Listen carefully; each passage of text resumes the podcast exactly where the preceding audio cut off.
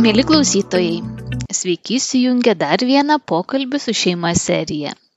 Aš esu Evelina Rimkutė ir mes toliau su mano namiškiais pasakojame jums mūsų šeimos istoriją. Šiandieną dalinamės prisiminimais ir istorijomis iš gyvenimo Lukšakaimyje. Įdomu tai, kad mano senelis savyje nešiojasi prisiminimus net iš savo senelių laikų, kas man leidžia pajusti gyvenimą bent keturiomis kartomis atgal. Tikiuosi, kas nors naujo ir įdomaus bus taip pat ir jums.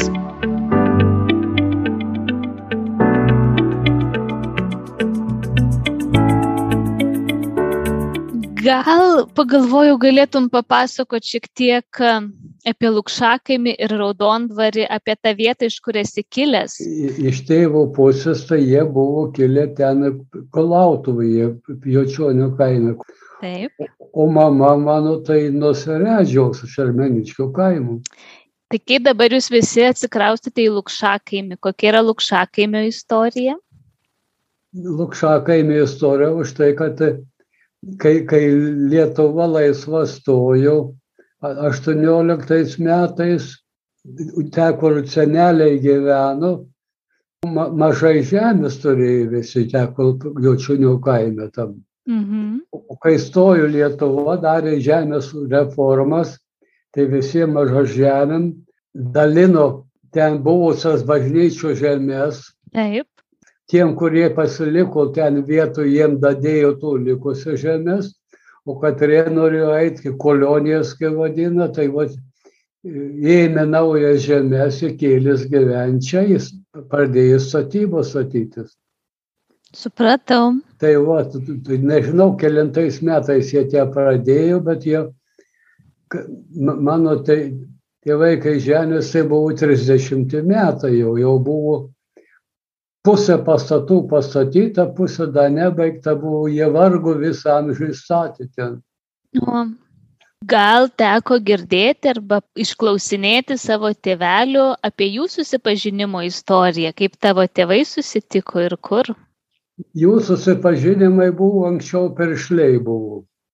Žinau, kad mano tėvas turėjo tokią ten vietinę turėjo, jisai ten tokią jau paną, mhm. draugavo, tai tėvelis buvo muzikantas grodavo, bet, bet jinai, kiek aš nežinau, nes nepasakoju, bet aš kai suprantu taip, kad jinai, mhm.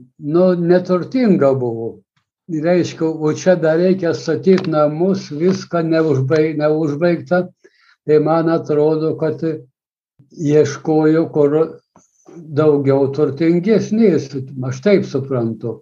Mm, supratau. Kai mano tėvelio pusbrolis Šardeškių kaimo supažindino mano mamą Armeniškių kaime, o mamos tėvai junaičiai buvo turtingesni ten daugiau žemės buvo, mamos dėdės vienas kunigas buvo. Mhm. Nors mane pasakojo, kad dėl to paskui mama davė, kaip, kaip sivedė, davė kumelę, davė karvę, keulių davė, da davė tas kunigas ten, nežinau, tūkstantį daugiau litų ten pinigų, kad turtingesnė žemės, kiek aš taip supratau. Ir be to mama da buvo labai jauna, kad 19 metų dar nebuvo, kiek sužinojau. O gal netyčia tavo senelis yra pasakojęs apie savo susipažinimo istoriją su tavo močiute, ar žinai ką nors apie tai? O senelio susipažinimo nežinau, tik žinau, kad jie senelis gyveno Kulautuvai, o močiutė e, šalia Kulautovos, čia buvo galima sakyti, kokio kilometrų skirtumas tam to paties kaimo. Aha.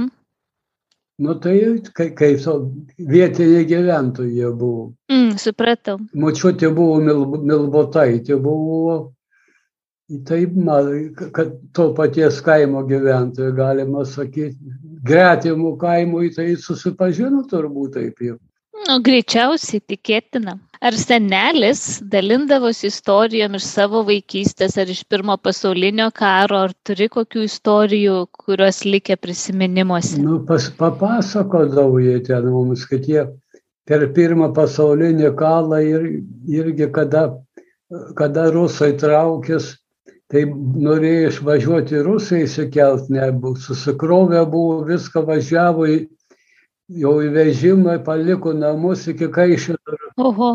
Nuvažiavo iki Kaišėdorių ir ten paskui Kaišėdorys apsistojo ir grįžo atgal, nežinau, kas čia buvo ar, ar te užėjo karas, o kaip juos užkrupo, paskui grįžo atgal. Mhm, tai žiūrėk, dar būtumėt nelikę Lietuvoje. Nu, nu, dede, o mano senelis mokėjo vokiškai ir rusiškai mokėjo. Už tai, kad į Vokietiją tes tuos plukdė rastus vėlius, tai jis vokiškai buvo pramokęs. O rusiškai tai beveik gerai išnekėjau už tai, kad per vokiečių gyveno jau. Tai bent jau iš tavo pasakojimų, tavo senelis mano akise turi tokį protingo, išsilavinusių ir darbštaus žmogaus įvaizdį. Ar aš teisingai jį susidariau, ar dar kažką pridėtum apie savo senelį? Taip, taip, senelis, net jisai buvo, buvo jisai miškininkas, girininkas, ten miškio dirbo, jisai buvo toks, nu, kaip to kaimo šviesuolis, nors didelių mokslų Mhm. neturėjo, bet jisai buvo šviesuolis to kaimo. Primink, kuo vardu buvo tavo senelis? Juozapas buvo. Juozapas, o tavo tėtis Justinas. Nu. Supratau. O, o, o senelio tėvas buvo Jonas. Jonas, Juozapas, Justinas. Visi iš jo raidės visos trys kartas. Senelis damą rodė savo tėvo. Tėvas buvo palaidotas Raudondvario kapinėse. Kai mes važiavam, da aš rodžiau braziliečiam, kur senelis palaidotas. Ten tie kapai, kur per kampą važiuojam, kur matosi per sankryžą. Nu, nu, prie kampo ten jau. Mhm, supratau. Nu, dabar jau ten neliko nieko, jau ten nutolai. Kalbant apie vardus. Tu turi du vardus, jeigu neklystu. Vytautas Marijonas. Nu, Ar čia yra oficialūs tavo tie vardai? Kodėl turi du vardus? Ar žinai šitą istoriją? Už tai, kad kai tėvai pasakojo, kad anksčiau turėdavo būti bent vienas vardas šventas. Mhm. Tai mano Vytautas skaito ne šventas, o Marijonas šventas. Tai turi, jeigu, jeigu ne šventų vardu krikštė, tai turit pridėti antrą vardą. Tai mano vardas bu- buvo pirmas Marijonas, o antras Vytautas. Tavo broliai Bronius ir Albinas ir sesuo irgi turi antrus vardus? Turi Jadžia, turi Teresės vardą, Aha. jeigu Teresė šventoji, bronius tai neturi, nežinau, gal bronius, gal šventas. Aha. O kai Albinas jau paskui, kada Albinas gimė, jau buvo tie laikai praėję, jau nereikalaudavau. Mm. Kelintais metais gimė Albinas, dar prieš karą ar jau karo metais? Albinas 44 per karą, Per karą dešimt metų, dešimt metų už tave jaunesnis.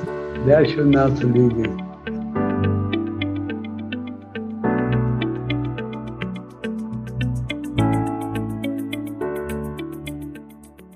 Gal gali papasakot, kaip jūs kaime minėjai, kad nebūdavo daug pinigų. Tai iš kur gaudavot, pavyzdžiui, rūbų arba batų, kaip sukdavotės? Nu, tai mums dar mes laimingai gyvenam, kad mūsų mama labai buvo darbšti. Pirkdavo siūlus, namuose ausdavo viską, ko- kostiumus išausdavo, medžiagą viską. Už tai, kad nebuvo, medžiagų tai nebuvo. Mhm. Iš po karo tai iš kareiviškų šinelių siūdavo visokius puspalčių žmonės, viską.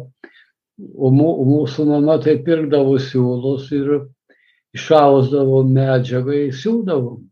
Parduotuvėse tai nebuvo pirkimų tų nieko. O kokie būdavo žmonių įpročiai, pavyzdžiui, dabar mes va šiais laikais turint daug marškinių, daug kelnių, ten skalbiam dažnai. Kaip anksčiau ta būtis būdavo, kiek, pavyzdžiui, turėdavo trūbų pasikeitimui, kaip dažnai skalbdavotės. Nu tai kasdienai turėdavo tai vieną kokią kostiumą švaro paltą, išeiginė daugiau kasdieniniai rūbai būdavo. Nuogenė vaikščiodavo, bet tie rūbus skaldavo, nu ką mašinų tai nebuvo, tai Rankas skalbdavot. skandavo, skaldavo rankom, neždavo sodžialkas, skalaudavo, iš šulnių vandenį neždavo. Skalbimai tai būdavo, būdavo tokius kultovis, kala tuo- tuos drabužius. Mhm. Paskui tokios tarkos būdavo, ant tarkų tų tarkuodavo, Nu sunku, sunku. įskaldavo, nu, moteris vargdavo. O maistas, kokį maistą valgydavote, kai augote? Maistą valgėm, ką užauginom, tai valgėm. Auginom avis, keulės auginom, pakol nebuvo kolokiai, tai maldavom grūdus į namie, kepdavom viską. O paskui, kai kolokius suvarė, tai jau paskui reikėjo net jau į duoną eiti į parduotuvę. Per Nebūdavo kur užsiauginti, taip? 60 arų daug ko nepriauginsi, bulvių Mhm. te priaugina. Ar turėdavote mėgstamus patiekalus šeimoje, ar skirdavosi jūsų skoniai? Nu, skoniai jisai labiausia mūsų tėvų skoniai skirdavo. Mama mėgdavo tarkainius visokius, o o seneliai, tėvai mes mėgdavom miltinius. Aha, Nu, va, tai vis ginčydam. Tai pagrindinai vakare būdavo košė kokią nors, abolvinė, kvietinė kokią, ant pieto mė- mėsą valgydavom. Pusryčių privirdavo didelį puodai, užtekdavo pusryčiam į, į pietų. O vakare košė daugiausia toks Mhm. maistas būdavo. ar jau būdavo populiaru, ar gerdavote kokias kavą, arbatą, kokius gėrimus gerdavote? Tai kavos nebuvo tokios pir, tikros kavos, kai dabar tai būdavo pirktinė kava, arba darydavo kavą iš gilių. Aha, Ažuolo gilę sudžiovindavo, sumaldavo gilių kavą gerdavo. O arbatą tai visą kmynus susiaugindavom iš, iš laukų, viskas būdavo. žodžiu, žolelių tokia arbata labiau. Žolelė visokia arbata. O kokį alkoholį vartodavot kaime? Daugiausia samagoną pasidarydavom. Man, mano, mano tėvas e, šitą mokėdavo samagoną išvirti dėl save. Jisai negerdavo daug, bet šventėm kokiom ten vestuvėm, krikštynom, tai savo samagoną pasidarydavo ir cukrinių runkelių dar pasidarydavo alaus tokių ir viskas. Pirktinių, pirktinių gėrimų niekas nepirko niekada. Kažkada esi minėjęs, kad tavo tėtis kažkokią specialią techniką darydavo tą samagoną. Nu, tą pa- paru virdau, parinis būdavo, mediniai bačkoj. Aha, ne, netiesiogiai kaitindavo, ar ne? Ka- Kaitindavo, me- meta, metalinė bačka būdavo nugnies, kaitindavo su tuo garu. Užkaitindavo, tą bačką garuodavo, ir samagonas bėgdavo. Supratau. Katrie virdavo medi- mediniai bačkoj, tai prisvildavo, tai buvo bjaurus labai prisvilę. Galbūt atsimeni pirmą kartą, kada pats esi padauginęs alkoholio. Neatsimenu seniai jau buvo. Ar nuo vaikų slėpdavo, kad ten jūs negertumėt, neparagautumėt, ar tiesiog patys nelyzdavot, nebūdavo įdomu? Mes, mes nege- neimdavom alkoholį, ne, patys ne, nevogdavom jų. Gyrą labiau mėgdavo, turbūt gyros daug darydavot, ar ne? Nu, geros, runke, runkelio, šrunkelio alos būdavo gera to. Supratau.